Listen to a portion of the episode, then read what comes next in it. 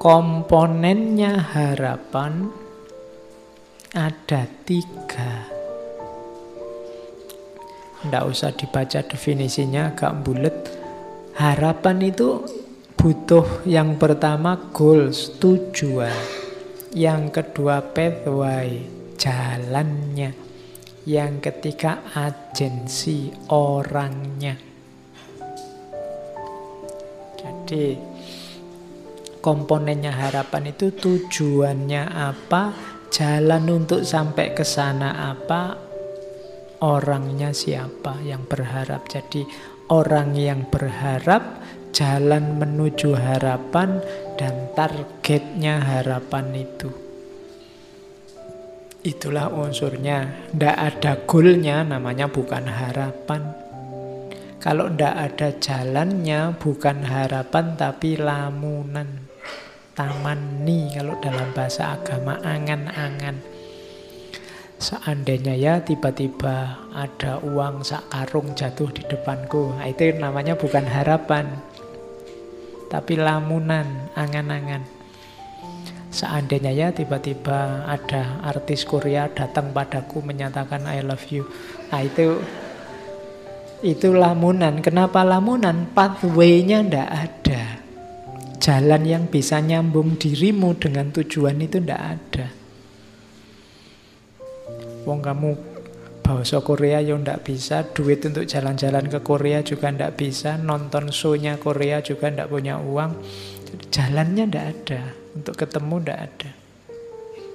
Nah itu ndak ada pathway-nya, maka namanya angan-angan. Untuk lengkap disebut harapan, jalannya ada, strategi menuju ke sana ada, goalnya ada, tujuannya ada, dan orangnya juga mau. Jadi ini harus lengkap. Kalau tidak ada orangnya Pak, ya sama aja bohong. Ada jalannya, ada tujuannya, orangnya yang berharap tidak ada, ya tidak jadi cerita.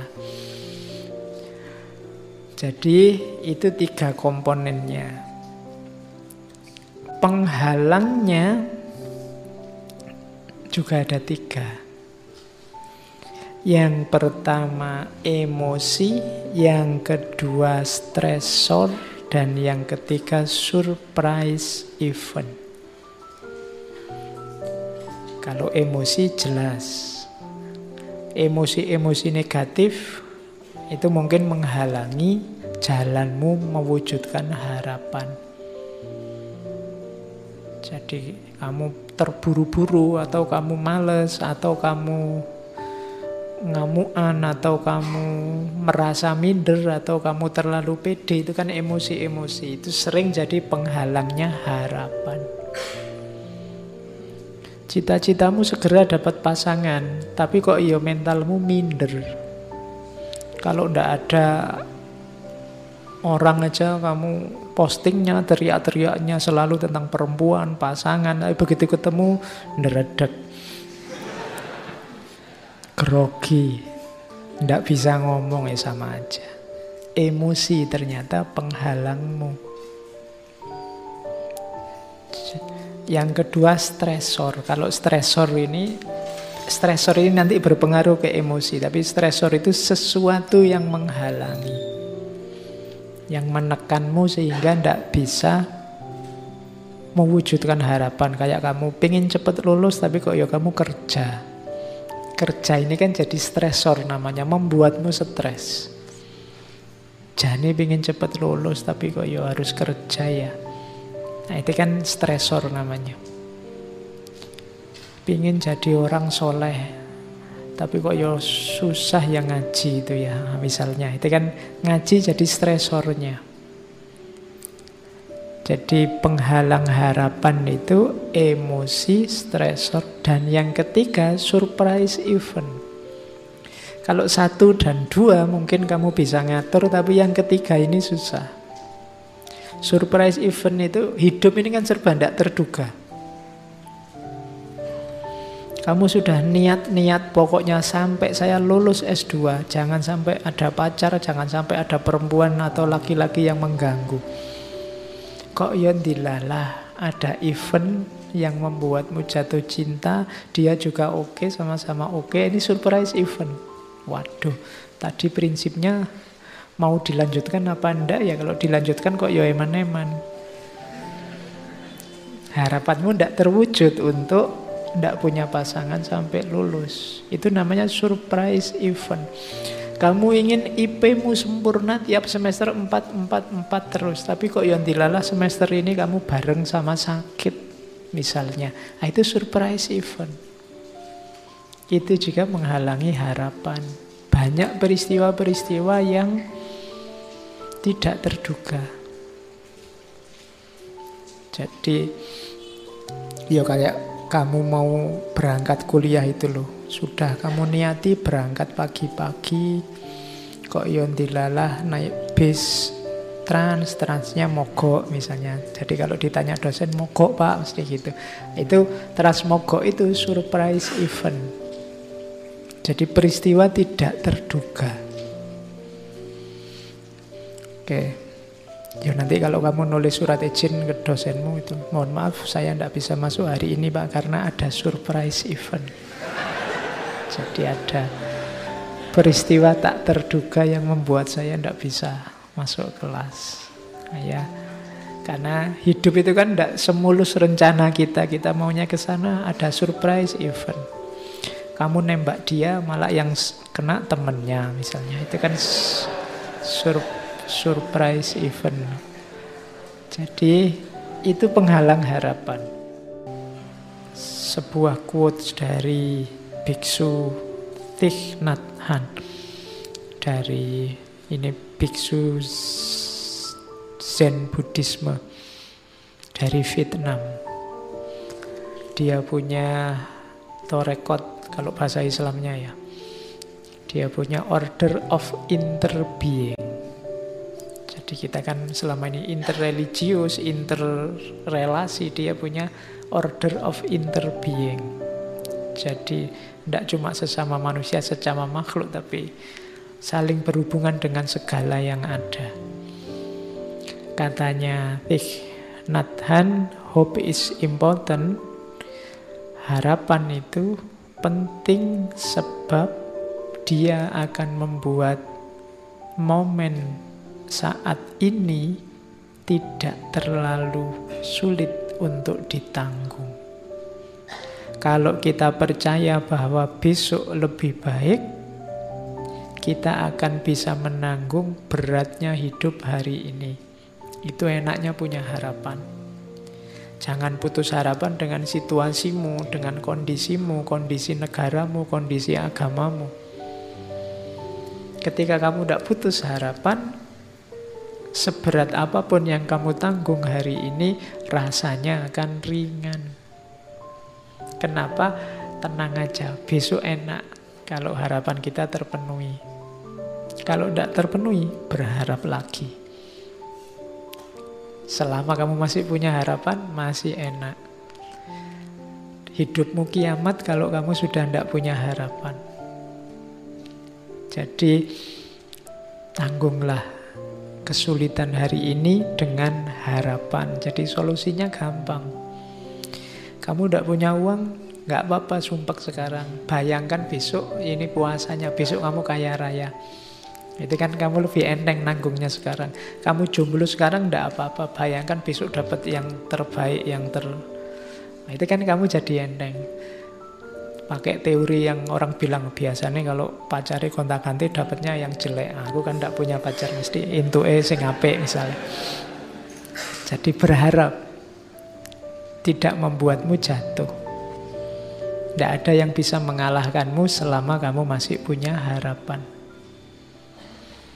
Kok kamu kuliahmu tidak lulus-lulus, tidak apa-apa. Saya masih berharap tidak ter-DO. Kok kamu ter-DO, tidak apa-apa. Saya masih berharap masa depanku bagus karena ijazah dan gelar itu tidak segalanya. Kan gitu. Kok, iya. Kok kamu susah di karirmu karena tidak punya ijazah, nggak punya, tidak apa-apa. Karir itu kan cuma satu aspek dalam hidup, masih banyak aspek yang lain. Loh kan itu enak. Selama kamu masih punya harapan, masih punya jangkauan ke depan yang kamu impikan kan tidak masalah. Kamu mau kerja apa? Ijazah tidak punya, keterampilan tidak punya. Ya gampang nyari istri yang kaya aja misalnya. Masih ada harapan. Oke, terus jadi perannya kunci harapan itu. Itu yang terakhir ada quotes dari Henry Nouwen. Henry Nouwen itu pastor Katolik dari Belanda. All great spiritual leaders in history were people of hope. Semua tokoh pemimpin spiritual dalam sejarah adalah figur-figur penuh harapan. Tidak ada tokoh spiritual yang putus asa. Ibrahim, Abraham, Moses, Musa, nabi-nabi tidak ada yang putus asa. Ruth, Ruth itu neneknya kalau itu sebenarnya tokoh dari Bible. Tokoh perempuan neneknya Nabi Dawud. Yang nanti ada silsilah juga sama Yesus. Maria, Yesus, Rumi, Gandhi, Dorothy Day semuanya menjanjikan orang-orang yang penuh harapan.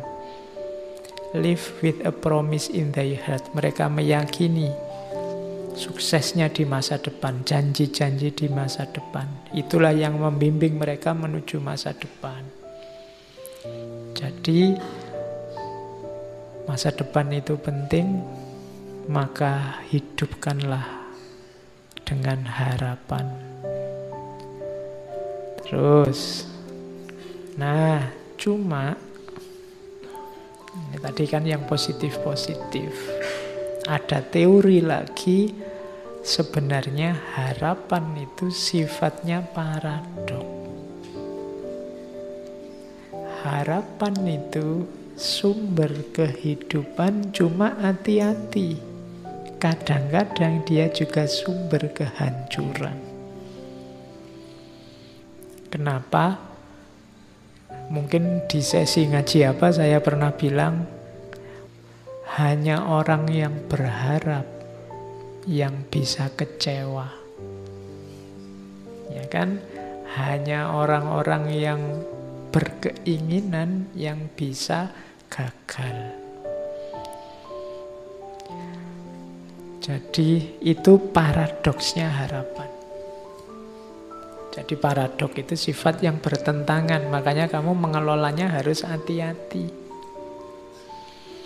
Harapan bisa membawamu pada kebahagiaan, tapi bisa juga sebaliknya menghancurkanmu. Kalau kamu tidak hati-hati merancang harapan.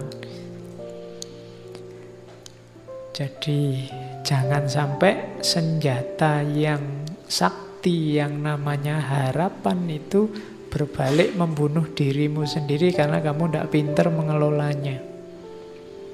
Itulah sifat paradoksnya harapan. Kalau kamu tadi tidak bercita-cita kumlot, tidak kumlot itu kan tidak masalah. Tapi ketika kamu bercita-cita kumlot, tidak kumlot jadi sumber kekecewaanmu. Kalau cita-citamu, harapanmu hanya lulus saja, kumlot tidak kumlot tidak penting. IP berapapun tidak masalah, yang penting lulus. Kenapa? Cita-citamu hanya lulus saja. Tapi kalau cita-citamu IP, cita-citamu kumlot, lulus saja itu menghancurkanmu. Kalau kamu tidak bercita-cita punya pasangan, bok jomblo sampai umur 40 tidak masalah. Tapi kalau orientasi hidupmu pasangan, pacar, dan yang sejenis itu, bok sekarang kamu jomblo juga gelisah, susah, sumpek. Kenapa? Karena kamu target di situ. Kamu berharap di situ. Ah itu paradok harapan namanya. Dia bisa menghidupkanmu, tapi dia juga bisa membunuhmu. Kalau kamu tidak hati-hati. Maka aturlah harapan-harapan hidupmu secara masuk akal, secara cerdas. Rancang harapanmu paling tidak di empat ciri. Yang pertama, harapan berharaplah sesuatu yang dapat kamu capai secara rasional. Jadi secara rasional itu berharap yang masuk akal saja. Kalau kamu sudah semester 14, targetnya sudah nggak usah mikir kumulat kumulot, sing penting lulus. Itu yang rasional. Nah, ya. Kalau enggak nanti hancur hidupmu gitu loh. Jadi berharaplah yang rasional-rasional saja. Yang terjangkau. Yang kedua, yang dapat kamu kontrol. Pancanglah harapan-harapan yang bisa kamu kendalikan, kamu tempuh. Itu loh. Misalnya kamu sadar bahwa suaraku itu jelek kok Pak. Tapi saya cita-citanya penyanyi. Nah, itu kan agak agak berat perjuanganmu kalau sampai ke sana. Jadi salah kamu mungkin milih harapannya. Kalau pencipta lagu ndak apa-apa, kalau penyanyi susah karena hubungannya sama suara. Nah itu harapan yang ndak bisa kamu kontrol itu agak susah. Misalnya Kayak saya tingginya paling 150-an. Saya ingin cita-citanya jadi foto model yang tingginya minimal 180. Itu kan nggak nggak masuk. Jadi yang bisa kamu kontrol. Jangan berharap yang tidak bisa kamu kontrol karena kalau tidak harapan akan membunuhmu. Terus Berharaplah yang menurutmu penting. Kalau ini ya benar bunuh diri. Kalau kamu tidak penting kok kamu harapkan. Ya, wong kamu tidak minat kok kamu masuk ke situ. Nah, itu agak bunuh diri. Jadi berharaplah hal-hal yang penting-penting saja. Yang cocok sama passionmu. Jangan berharap yang bukan dirimu. Karena kamu akan kesulitan mewujudkannya dan akibatnya kamu kecewa. Yang penting menurutmu apa? Bukan yang penting menurut orang lain. Karena kalau tidak nanti kamu kesulitan mewujudkannya. Setiap orang punya gaya dan model sendiri-sendiri. Yang keempat, ini juga penting. Kalau tadi kan penting menurutmu. Berharaplah sesuatu yang bisa diterima oleh masyarakatmu dan cocok dengan nilai-nilai yang ada di tengah masyarakat, nilai-nilai moralnya. Ini menentukan juga karena kalau targetmu ternyata tidak cocok dengan masyarakatmu, kamu bisa kesulitan juga. Nanti harapanmu bisa membunuhmu. Ya macam-macam tidak cocok itu. Mungkin tidak cocok sama kultur sana, mungkin tidak cocok sama nilai-nilai yang ada di sana. Ya contohnya gampang lah, misalnya yang cocok sama masyarakat di kos-kosanmu, misalnya masyarakat sana menghendaki kamu kalau apel paling malam sampai jam 10 misalnya. Ah itu ya kamu jangan berharap lebih. Saya ingin ijtihad berlawanan dengan masyarakat pokoknya apel itu ya paling tidak jam 12 lah jam 10 belum dapat apa-apa.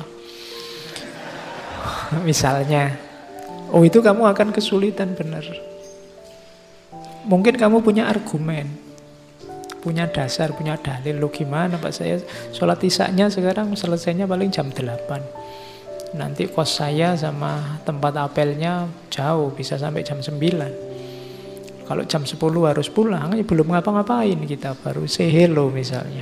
Nah, itu kan argumenmu. Tapi masyarakatmu tidak bisa. Kamu kasih argumen itu, mereka punya tata nilai sendiri. Nah, harapanmu kalau tabrakan dengan maunya masyarakat, kamu akan susah juga.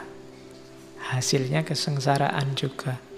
Maka rancanglah harapanmu di empat ciri ini. Rasional, bisa kamu kontrol.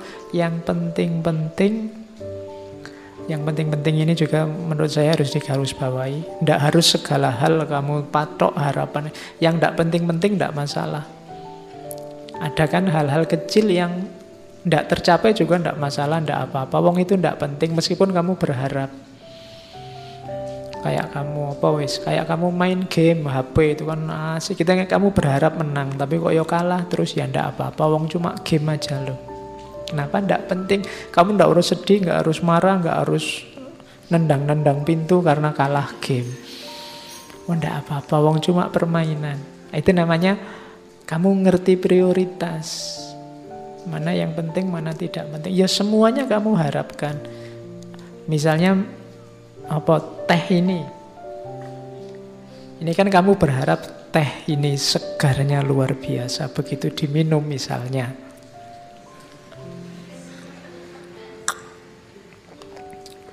Kok biasa ya? Misalnya. Itu kan kamu kecewa. Tapi ya ndak apa-apa wong ini ndak prioritas kok. Meskipun tadi aku berharap kan ndak masalah ndak penting beda tadi sama urusan kuliahmu sama urusan masa depanmu itu kan jauh yang lebih penting jadi berharap patoklah yang kamu anggap penting-penting saja dan yang terakhir, hati-hati dengan norma-norma dan nilai-nilai di tengah masyarakat. Karena masyarakat itu juga harus jadi pertimbanganmu. Mereka punya logika sendiri, mereka punya standar sendiri.